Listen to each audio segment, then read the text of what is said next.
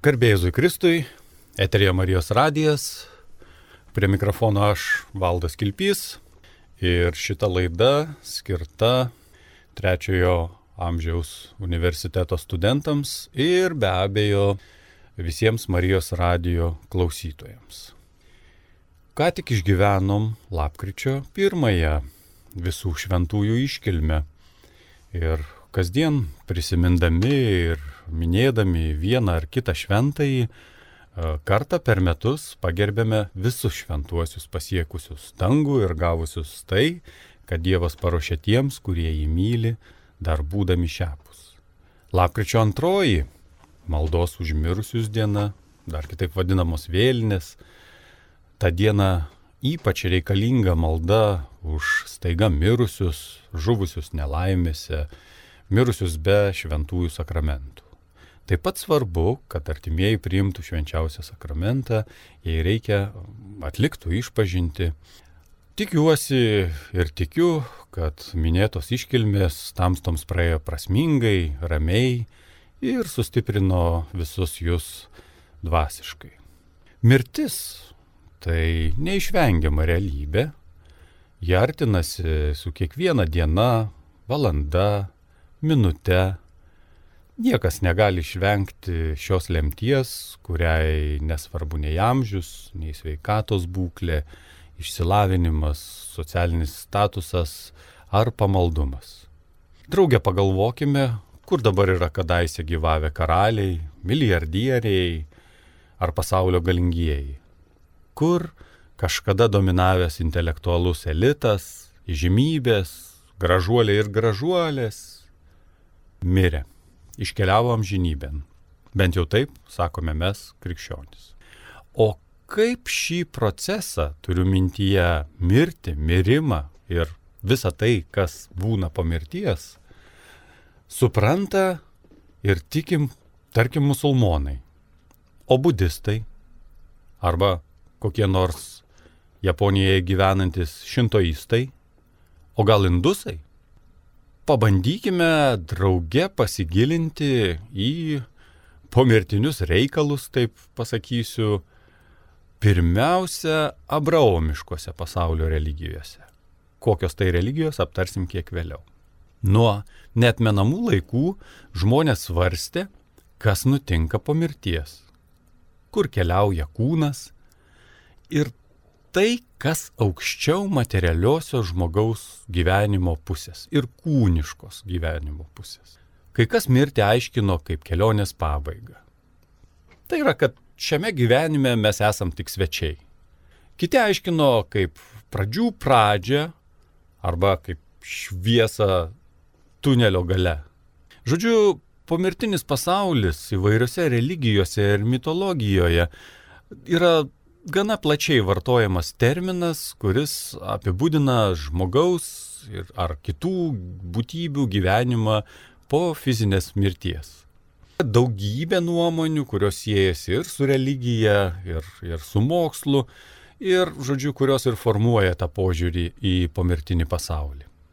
Įvairiose religijose sutinkame visokių aiškinimų apie tą pomirtinį pasaulį, kaip pavyzdžiui, krikščionybėje ar judaizme turime rojų, turime pragarą, laukiame paskutiniojo teismo.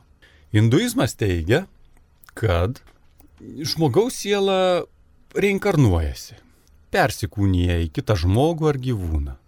Budizme irgi yra išlikęs tikėjimas reinkarnacija, kuri į kitą gyvenimą perkeliamas psichinių ir dvasinių energijų kompleksas. Kitaip tariant, tu tarsi tampi kažkuo kitu ir kitur. O pomirtinis gyvenimas islame, kitaip nei krikščionybėje, įsivaizduojamas gerokai materialesnis. Čia kūnas uh, atlieka gan svarbu vaidmenį, galbūt darau prielaidą net tam tikrą prasme bent jau lygiavertį arba svarbesnį negu siela. Vienaip ar kitaip, visose šiuose religijose po mirties mes nepasitraukėme į niekur ir mūsų kūnas ir siela gyvena tolimesnį gyvenimą anapusinėme pasaulyje. Kadangi laidos laikas yra baigtinis ir, ir tiesą pasakius netoks jau ilgas, viena akademinė valanda, kaip ir dera paskaitai, tai šį kartą pakalbėsime apie dvi iš trijų pagrindinių abraominių religijų. Tačiau, kaip ir žadėjau, pirmiausia, keli žodžiai, kasgi jos tokios yra, ką mes vadiname būtent abraominėmis religijomis. Jos savo tikėjimo protėvių laiko Abraomą. Žmogų, kuris pagal Biblijos pasakojimą iškeliavo iš savo šalies, kad vykdyt Dievo valią. Tiesą pasakius, tai yra gana didelė pasaulio religijų grupė, kuriai priklauso, išvardinsiu keletą religijų, puikiai žinomas judaizmas ir krikščionybė, islamas, Toks yra bahajų tikėjimas, babizmas, drūzai, mandeizmas, rastafariai, samaritiečiai, šabakizmas, jezidanizmas. Žodžiu, tikiu, kad išgirdote daug ir keistų religijų pavadinimų, bet e, mums šiuo atveju rūpi tos pagrindinės - judaizmas ir islamas, kurios va būtent savo šaknis semia iš Senojo testamento ir dėl to būtent Abraomas laikomas jų tarsi tokiu bendru protėviu, ar ne? Taigi pasikartosiu, kad pagrindinės abraomiškosios religijos yra trys - krikščionybė, judaizmas ir islamas. Ir iš tiesų daugiau negu pusė žemės gyventojų priklauso vienai iš abraomiškų religijų.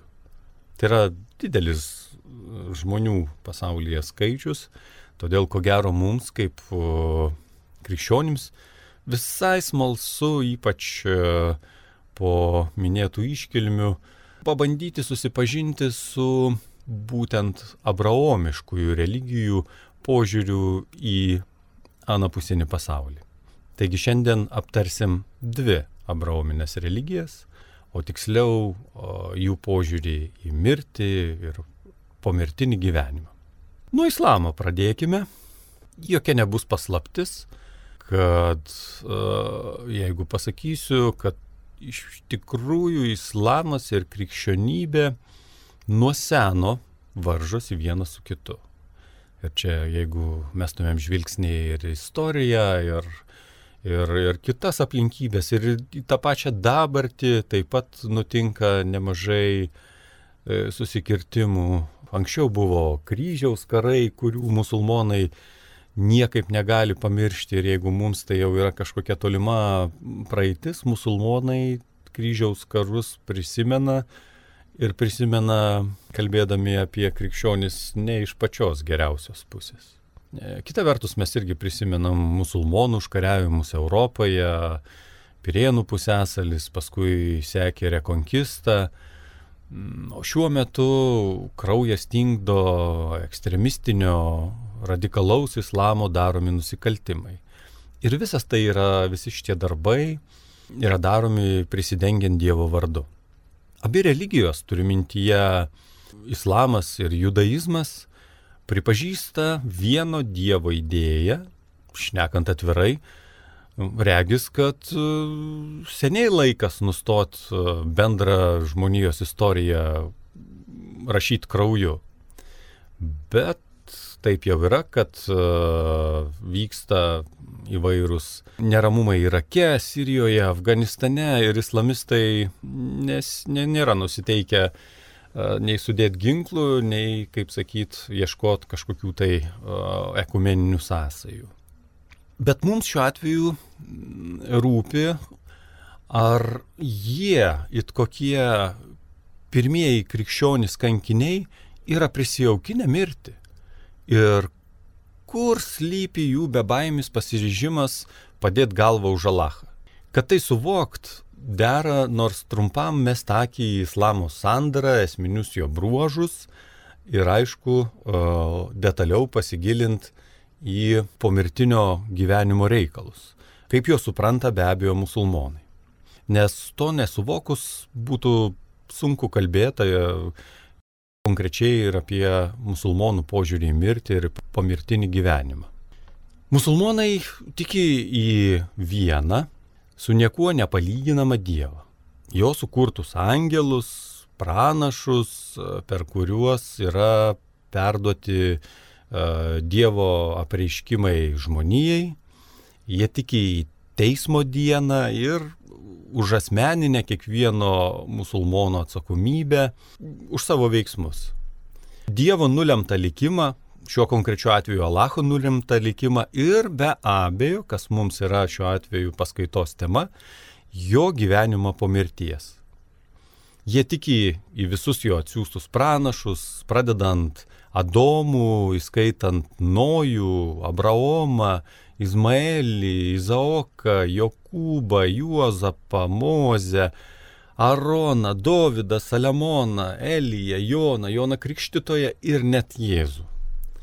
Tačiau paskutinis Dievo žodis žmonijai per Angelą Gabrielių, jie tai jį vadina Džibrilu, buvo apreikštas pranašui Muhamedui. Tai yra atsirado, radosi Koranas, kuri, e, tai yra knyga, kuri patvirtina amžinąją žinę ir apibendrina va, tuos praeities įvykius. Ir svarbu suvokti, kad musulmonai, ir čia iš tikrųjų yra labai svarbu, kad musulmonai nėra kažkokia tai vienalytė religinė bendruomenė. Egzistuoja begalė musulmoniškų nominacijų, toks tokia, net galima būtų pasakyti, mums kaip krikščionims mes tai pavadintumėm kaip ir netvarka, ar ne, įvairios nominacijos, įvairios e, tikėjimo šakos, nėra vieno aiškaus vadovaujančio, kaip sakyti, bažnyčios galvos, kaip mes turim popiežių, žodžiu, egzistuoja begalė e, nominacijų, bet esminė perskyra, kalbant apie musulmonus, yra tarp sunitų ir šytų. Mes nesigilinsim į šitą perskirą, kadangi tai nėra mūsų paskaitos tema, nors galbūt galėtų būti, nes tai yra esminė perskira ir neretai konfliktai kyla tarp musulmonų pirmiausia dėl tikėjimo skirtumų tarp sunitų ir šytų, bet svari dar viena mintis yra apie tai, kad net ir jų šventasis raštas Koranas tu gali skaityti tas pačias eilutes ir priklausomai nuo to, kas jas aiškina, jos gali būti aiškinamos pakankamai skirtingai. Viskas priklauso nuo interpretacijos. Ir priminsiu, ką jau kalbėti apie tai, kad islame nėra aiškios centralizacijos, hierarchijos. Mm, pats islamas yra daugia tautė, skirtinga, visiškai ne vienalytė tikinčiųjų bendruomenė, kuriai yra labai sunku taikinti e, kažkokius visą apimančius apibūdinimus, e, apibendrinimus, net ir kalbant apie pomirtinį gyvenimą. Ir tai, ką mes kalbėsim va, čia vėliau, iš tiesų, skaitant, kaip minėjau, tam tikras Korano eilutes, gali būti tai traktuojama ir kitaip, bet tai, ką aš čia bandysiu paaiškinti, iš principo dėl šitų dalykų, nežiūrint savo įvairia pusiškumo ir įvairia lipiškumo, musulmonai daugiau mažiau sutarė.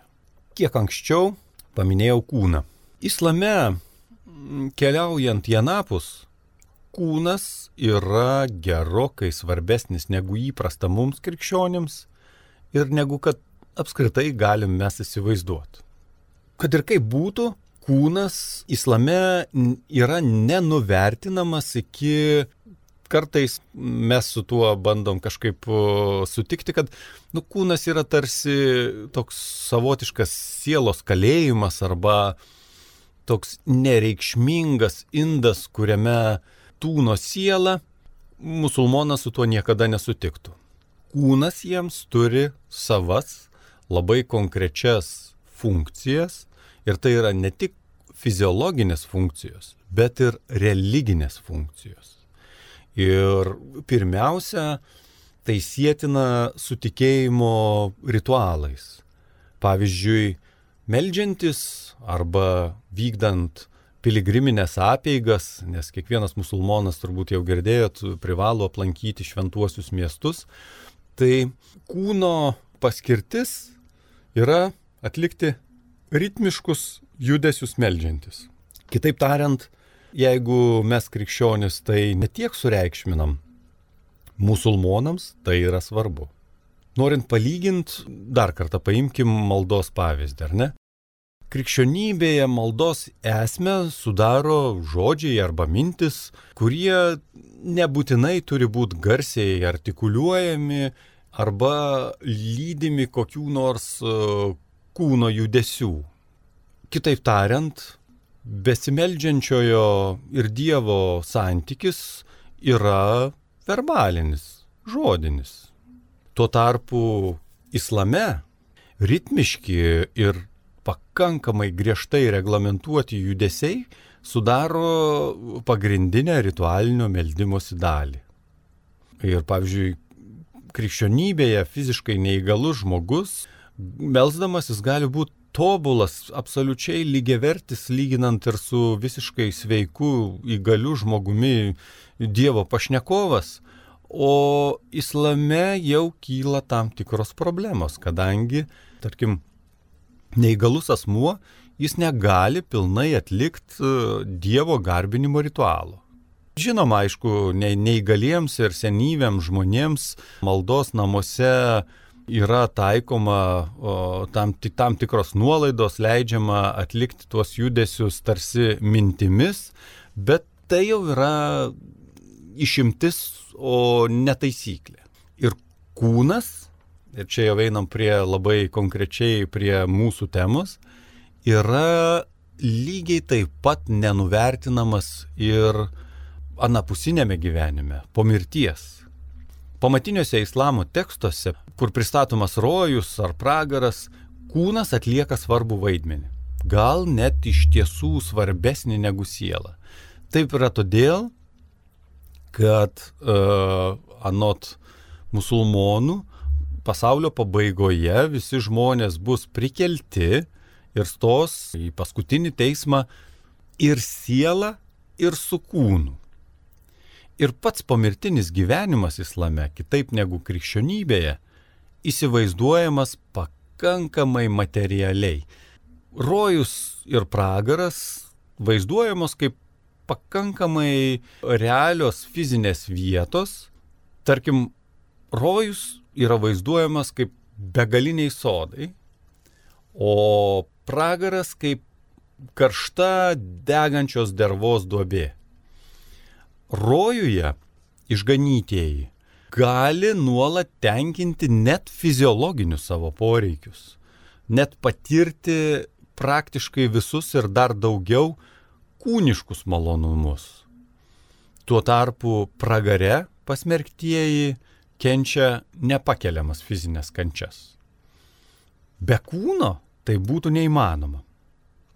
Ir e, kai kurių musulmonų teologų aiškinimų, e, rojuje ir pragare žmonių kūnai bus jaunatviškai standus, subrendę ir e, taip jau bendrai sutariama, kad maždaug apie arba ne vyresni negu 30 metų amžiaus. Toks pats, sakykime, žydėjimas. Apie musulmonų požiūrį į kūną daug pasako ir tai, kaip jų kultūroje elgiamasi su mirusiu žmogumi. Islame kremavimas yra draudžiamas. Nes, kaip jau minėta, jiems kūnas yra pakankamai svarbus galvojant apie pomirtinį gyvenimą. Ir paskutiniojo teismo dieną e, žmonės bus prikelti su kūnu ir siela, todėl yra neleistina sąmoningai sunaikinti kūną mirusį sudeginant. Dėl tos pačios priežasties neleidžiama atlikti skrodimo. Na, nebent tai nėra tokia absoliuti taisyklė, bet e, nebent, e, žodžiu, yra daromos tam tikros išimtis, tarkim, viena iš tų išimčių, kad, kad jeigu tu sieki įsiaiškinti mirties priežastį smurtinės mirties atveju, ne šiaip mirties atveju, bet smurtinės mirties atveju, tai skrodimas yra leidžiamas.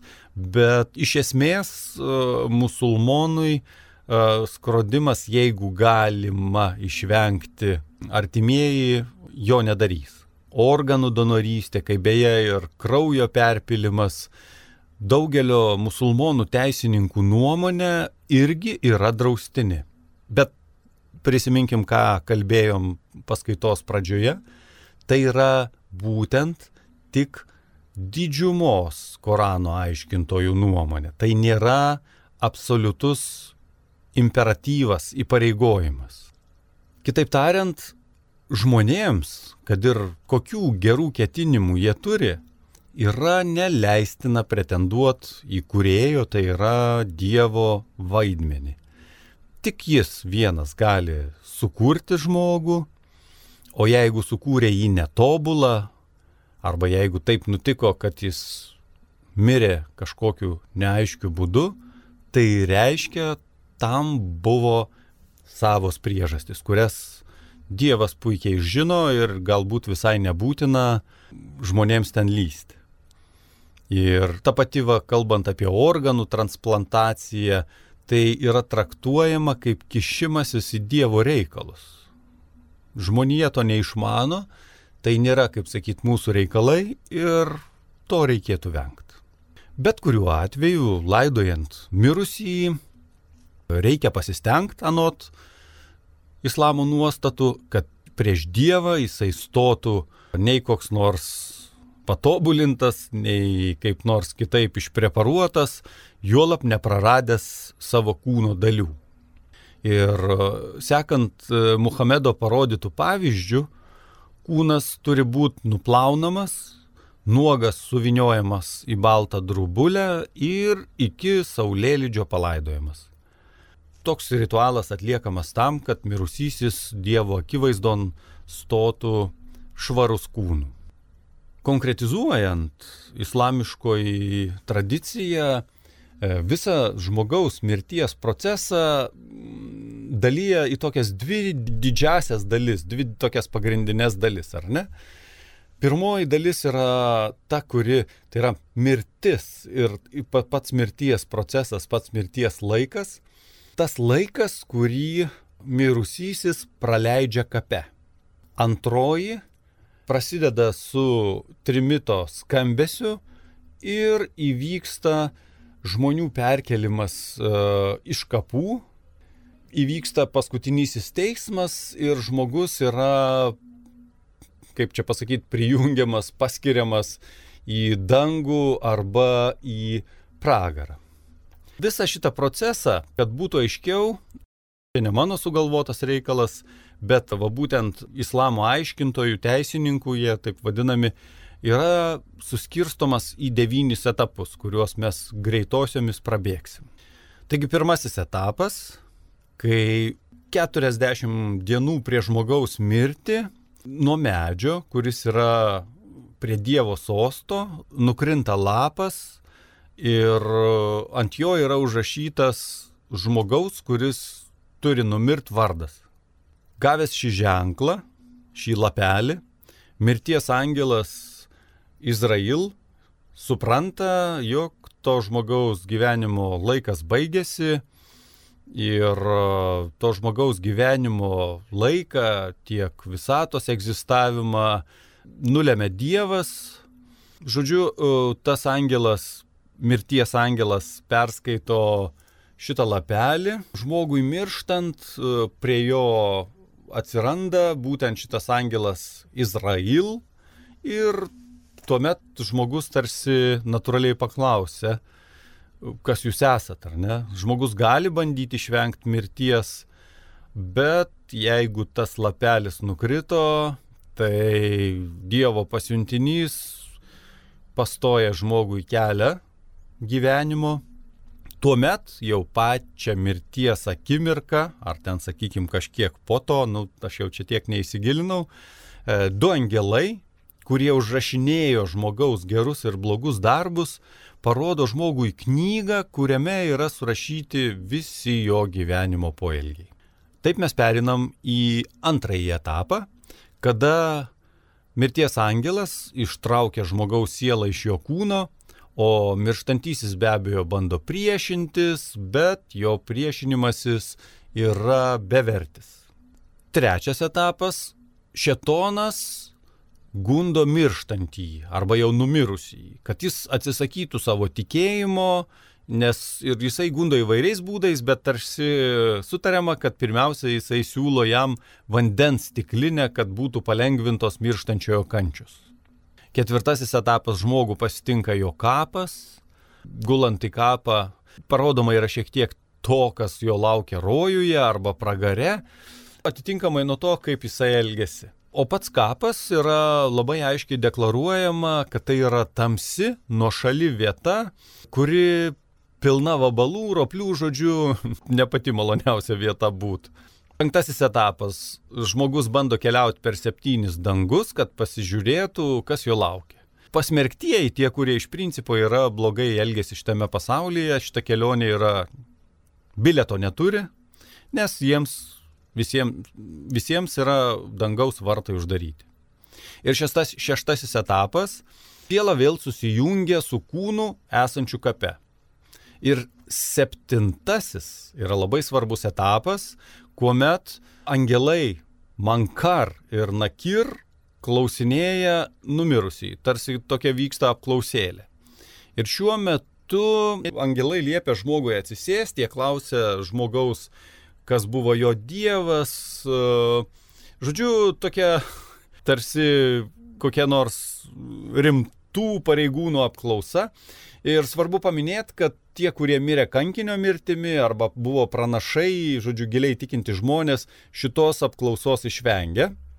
Aštuntasis etapas - žmogus yra baudžiamas kape. Tai nėra pragaro bausmės dalis. Nes yra manoma, kad visi, kurie yra palaidoti kape, vis tiek patirs e, stipresnius ar silpnesnius nepatogumus. Žodžiu, juos paus kapas, e, kažkokie ropliai ir panašiai. Kitaip tariant, nu nėra žmogaus be nuodėmės ir už tas nuodėmės yra atkenčiama būtent kape. Devintasis etapas, kad praėjus daugiau negu 40 dienų po palaidojimo, kapo bausmė baigėsi. Žmogus pasilieka kape be sąmonės iki paskutinės teismo dienos. Šitas laikotarpis yra vadinamas Barzak. Čia sura 23, šimtoje eilutė. Tai yra pertvara, padalinimas, barjeras. Šitas etapas primena tarsi miego būseną. Ir e, galiausiai visi eina tiltų, kuris kabo virš pragaro ugnies ir natūraliai, kad jis veda į rojų. Tikintiesiems šitas tiltas yra šviesus, platus, tiesus, žodžiu, tu tikrai nueisi iki rojaus. Nusidėlėms jis yra aštrus tarsi kardo ašmenis, siauras uh, sulik plauko storumu ir aplink jį yra vien tik tamsa, kad būtų dar sunkiau keliauti. Dėl šitos priežasties netikintieji krenta į pragarą arba tie jau nuodėmingi tikinčiųjų, tų, kurie susitiks su Dievu. Kitoje pusėje pasitinka pats pranašas Muhamedas. Ir e, šito tvenkinio, ar ne, per kurį irgi reikia paskui pereiti, e, vandens saldumas rodo tai, kokios gerybės laukia tikinčiųjų, jie įžengs į rojų. Tai štai, apibendrinant, galima pasakyti, kad kaip ir žydai bei krikščionis, musulmonai tiki, kad šis gyvenimas iš esmės yra tik pasiruošimas pomirtiniai karalystiai. Su mirtimi susijęs tikėjimas apima teismo dieną, prikelimą, rojų, pragarą ir, kaip jau minėjau, musulmonui miras, mirus jis yra suviniojamas į baltą audeklą ir palaidojimas. O pačios laidotuvės yra paskutinė jo artimųjų jam suteikiama tarsi paslauga ir e, galimybė prisiminti savo pačių greitai prabėgantį gyvenimą šitoje žemėje. musulmonai tiki, ir čia iš tiesų, manau, pakankamai protingos mintis, susisiekiančios ir su mūsų etika, ar ne, kad, žodžiu, musulmonai tiki, kad yra trys dalykai, kurie žmogui visada padeda po mirties. Pirmasis dalykas yra mirusiojo duota išmalda, antrasis dalykas yra jo skleistos žinios ir trečiasis dalykas yra vaikai. Teisingai ir gerai, dievo baimingai išauklėti vaikai, kurie jį prisimena ir už jį meldžiasi. Kągi, atėjo metas pakalbėti apie judaizmą. Tik primenu, kad klausotės Marijos radio ir šita laida yra skirta trečiojo amžiaus universiteto studentams, kaip ir visiems mėlyms Marijos radio klausytojams. Ir šitoje laidoje mes kalbame apie abraomiškų religijų požiūrį į mirtį ir į pomirtinį gyvenimą. Apie islamą pakalbėjom, metas pakalbėti apie judaizmą. Judaizmas tai yra draugė ir judėjų kultūra, ir religija, ir tai nesuklysiu sakydamas, kad tai yra viena seniausių monoteistinių religijų kitaip dar vadintina Toros religija, nes Tora yra visų mokymų mokymas ir praktikos pagrindas. Tačiau Tora, kitaip tariant, rašytinė Tora, dar kitaip vadinama Šebiktaf, interpretuojama yra rabiniškoje tradicijoje. O rabiniško judaizmo formavimosi pradžia tai yra pirmojo amžiaus mūsų amžiaus jau gimus Kristui laikotarpis. Kai tuo tarpu prieš tai buvo sakytinė tora arba tora šebal pe, jeigu teisingai ištariu. Žodžiu, e, ankstyvasis judaizmas irgi nebuvo toks e, vientisas ir e, susidarė jisai iš įvairių judaizmo pakraipų, tai yra skirtingų toros interpretacijos mokyklų, kurių viena netgi tapo pagrindu atsirasti ir krikščionybei. Būtent rabiniškojo judaizmo ir krikščionybės veikiamas atsirado ir tas pats islamas. Žodžiu, kaip bebūtų, bet judėjiškoji prisikėlimo iš numirusių idėja mums yra gerokai labiau suprantama ir nebejotinai artimesnė. Tai jei mes skirsim kiek detalesnį žvilgsnį, taigi kalbėkim apie ankstyvąją hebrajų religiją. Jiems pomirtinė būklė, šeolas, tai yra niki, niurios tuštumos erdvė, gyvenimas, kuris e, vis dėlto yra ne gyvenimas, o tik tai keistas būties ir tokio niekio, niekybės mišinys. Tad kaip jau įprasta, šio neaiškaus pasaulio bijoma, nes tai net ir nežinia, kas tai yra. Tai yra toks sunkus, keistas, nepaaiškinimas, viską užgneužiantis niekas. Nors, kad tai vyksta, ta anapusinė realybė yra nekvestionuojama, tikras gyvenimas dažniausiai yra suvokiamas tik kaip šiapusinis gyvenimas visokiojopa Dievo palaima visgi yra svarbi ir šitame pasaulyje, ar ne? Tai sotus, ilgamžis, žemiškas gyvenimas, turint daug palikuonių, kurie už tave melsis mirus. Ir apskritai žmogus pratęsia savo egzistenciją per gausius palikuonis. Tad e, ankstyva mirtis ar negalėjimas susilaukti palikuonių dažnai buvo suprantamas kaip e, Dievo atpildas už nuodėmes. Dar viena Šeolo tragedija yra ta, kad jame nėra santykio tarp Dievo ir žmogaus. Viešpaties balsas ten neprasiskverbia. Ten tu negali jo garbinti, o žydui tai yra tolygų tragedijai. Komunikacija su juo nutrūksta, kai tu iškvepi paskutinį oro gurkšnį. Ir galima prisiminti, kad biblinis žmogus gyvenimo pilnatvę patiria tik tada, kai Jahve su juo yra ir jį palaiko. Tuo metu į Šeolą Jahvės pagalba neprasiskverbia. Ir čia cituoju. Juk tarp mirusiųjų nėra kas tave atsimintų. Šeolė, kas tavegi gali šlovinti. psalmių šeštos skyriaus šeštoje eilutėje. Taigi šeolas visko, kas gyvybiška ir veiklu pabaiga. Tačiau kuo labiau istoriškai plėtojosi Dievo tautos monoteizmas, tuo labiau žydai buvo priversti kelti ir tuos vat, nepatogius klausimus. Nes, o jie kyla natūraliai. Pirmasis susijęs su teisingumu. Jeigu viešpats baudžia nedorilius, o teisiuosius laimina, tai kodėl tie teisėjai vis tiek kenčia? Ir kaip pastebi Ratzingeris, tokios uh, atpildo teorijos krizijos liudininkas pirmiausia yra teisusis Jobas. Jo kančių draugai nesugeba paaiškinti.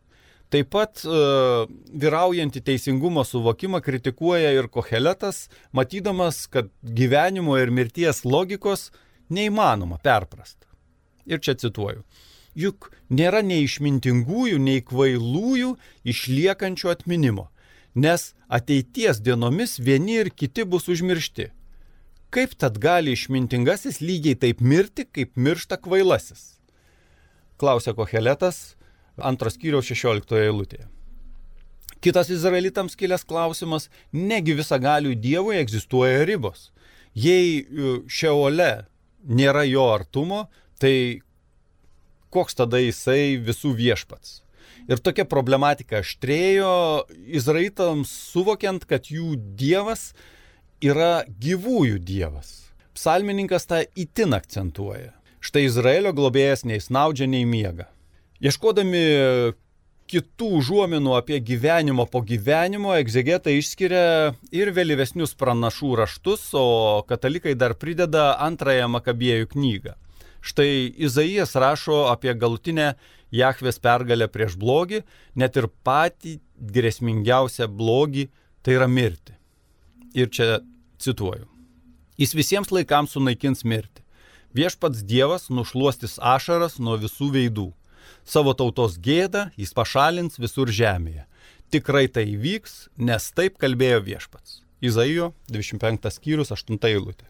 Kitur Izaijas kalba konkrečiau ir pranašauja mirusiųjų prisikelimą, kada ateis Dievo tautos gelbėtojas Mesijas. Čia cituoju.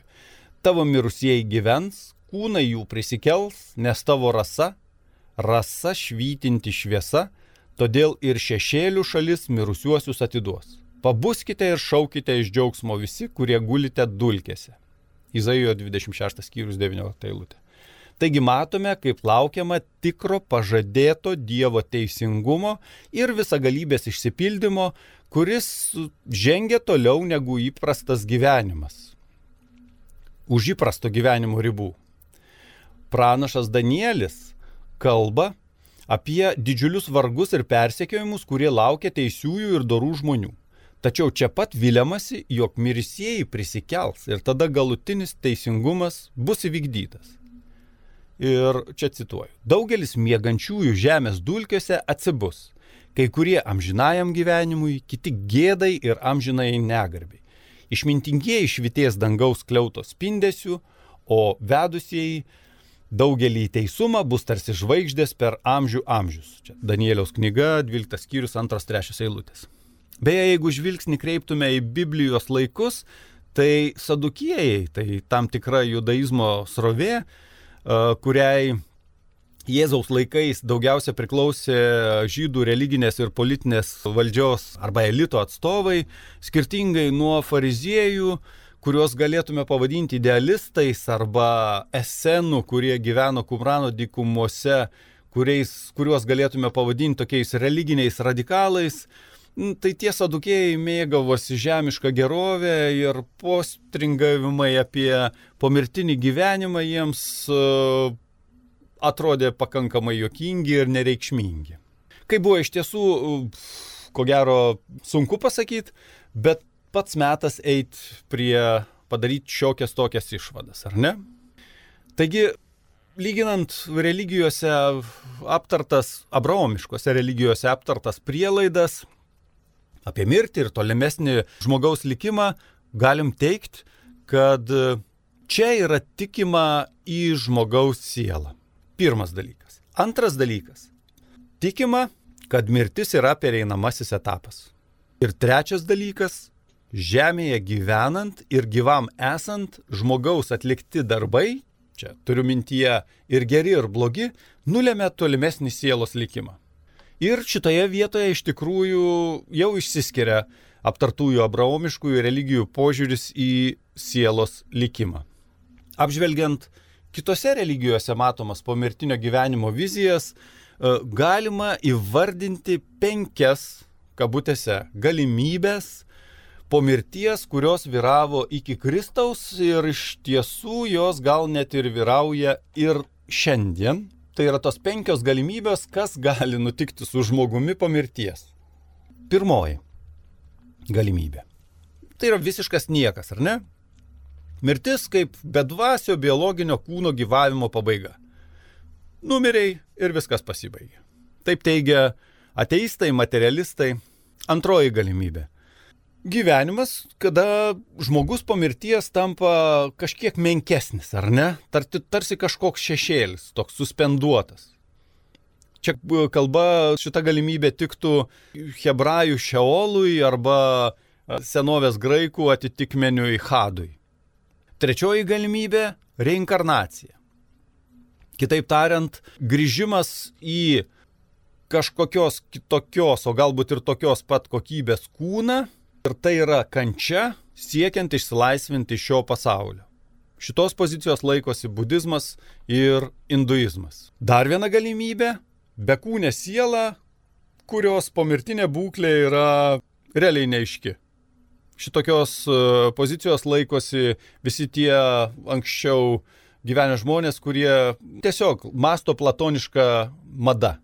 Ir aišku, galimas dar viena galimybė, tai yra viską pergyvenantis kosminis vienis, e, tobula dvasia, kurioje individas tarsi pranyksta. Nu ir čia jau turim ir, ir dabartinių tokių kvazi religijų sektų, dažnas e, rytietiškos religijos, šiek tiek apie tai kalbama ir budizme, ir hinduizme. Iš tikrųjų, tų tolimųjų rytų religijų neaptarėm, galbūt tai pavyks padaryti ir ateityje, Bet e, faktas tai, kad e, hinduizme, budizme, sikhizme tikima reinkarnacijų. Tai yra, kada persikūnymas priklauso nuo buvusių gyvenimų, nuo, nuo karmos ir kuo geresnis žmogus buvo, tuo geresnės sąlygas jam bus jos suteiktos kitame gyvenime, o gyvenę netinkamai gali persikūnyti gyvūną, net ir į augalą, žodžiu, kančios tik didės tos e, persikūnijimų ratas vadinamas samsara, o tikinčiojo tikslas yra galiausiai persikūnyti į patį Dievą, į mokšą. Arba, e, jeigu šnekant budistinę madą, pasiekti nirvaną. Kaip bebūtų, žemiškasis gyvenimas yra gražus, nepaisant savo ribojimų ir kentėjimų, jis privalo būti išgyventas iki galo, kitos galimybės mes ir neturim. Tuo pat metu yra visiškai aišku, kad žemiškasis gyvenimas nėra galutinė vertybė, tai veikiau tarsi tiltas, nutiestas iš gyvenimo į kitą gyvenimą tarp trapaus ir netikro šito pasaulio džiaugsmo ir galutinio pilnutinio džiaugsmo, kurį e, viešpats ruošia savo ištikimiems tarnams. Kviečiu maldai pasimelsti už tuos prisiminus ir ką tik tai vykusias iškilmes, pasimelsti už tuos, kuriems dabar šitame pasaulyje lemta kančia, pasimelsti už tuos, kurie dar jauni ir miglotai permasto apie laukiantį susitikimą su viešpačiu.